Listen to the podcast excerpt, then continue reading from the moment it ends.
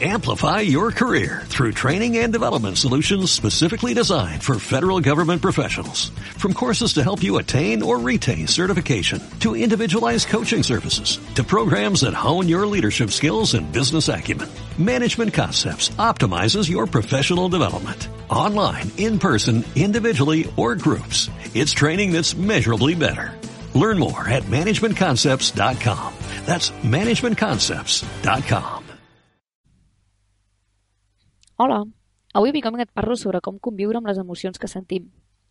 Aquests últims dies a Catalunya, degut a tot el que ha estat passant amb el referèndum, s'estan vivint molts moments de tensió, por, ràbia, impotència, ira, tristesa, eufòria, felicitat... Són molts sentiments aflorant a la vegada i alguns contradictoris.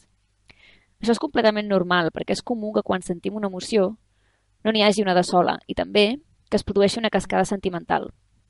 La cascada sentimental és el fet que un sentiment vagi desencadenat de, desencadenant altres sentiments. Per exemple, la ira es pot anar desencadenant en ràbia, aquesta en impotència i aquesta en frustració, por, pena, dolor, odi. Però quan sentim moltes coses a la vegada és fàcil que arribi un moment en què l'únic que tinguis clar és que no estàs bé.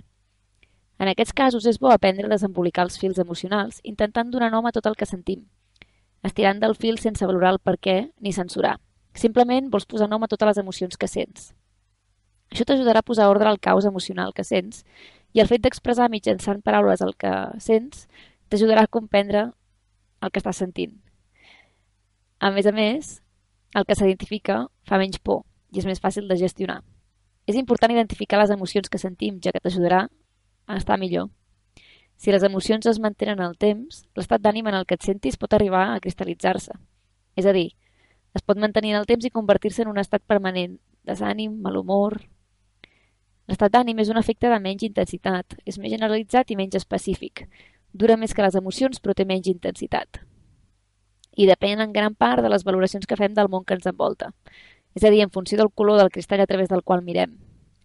Pot ser una persona que s'irrita amb facilitat o qui intenta buscar la part positiva de les coses, de les persones i de les situacions. Així doncs, el primer pas per començar a reduir la tensió i els nervis que portes a sobre, comença a identificar les emocions que estàs sentint. Trobaràs més informació a www.becoming.cat. Fins aviat.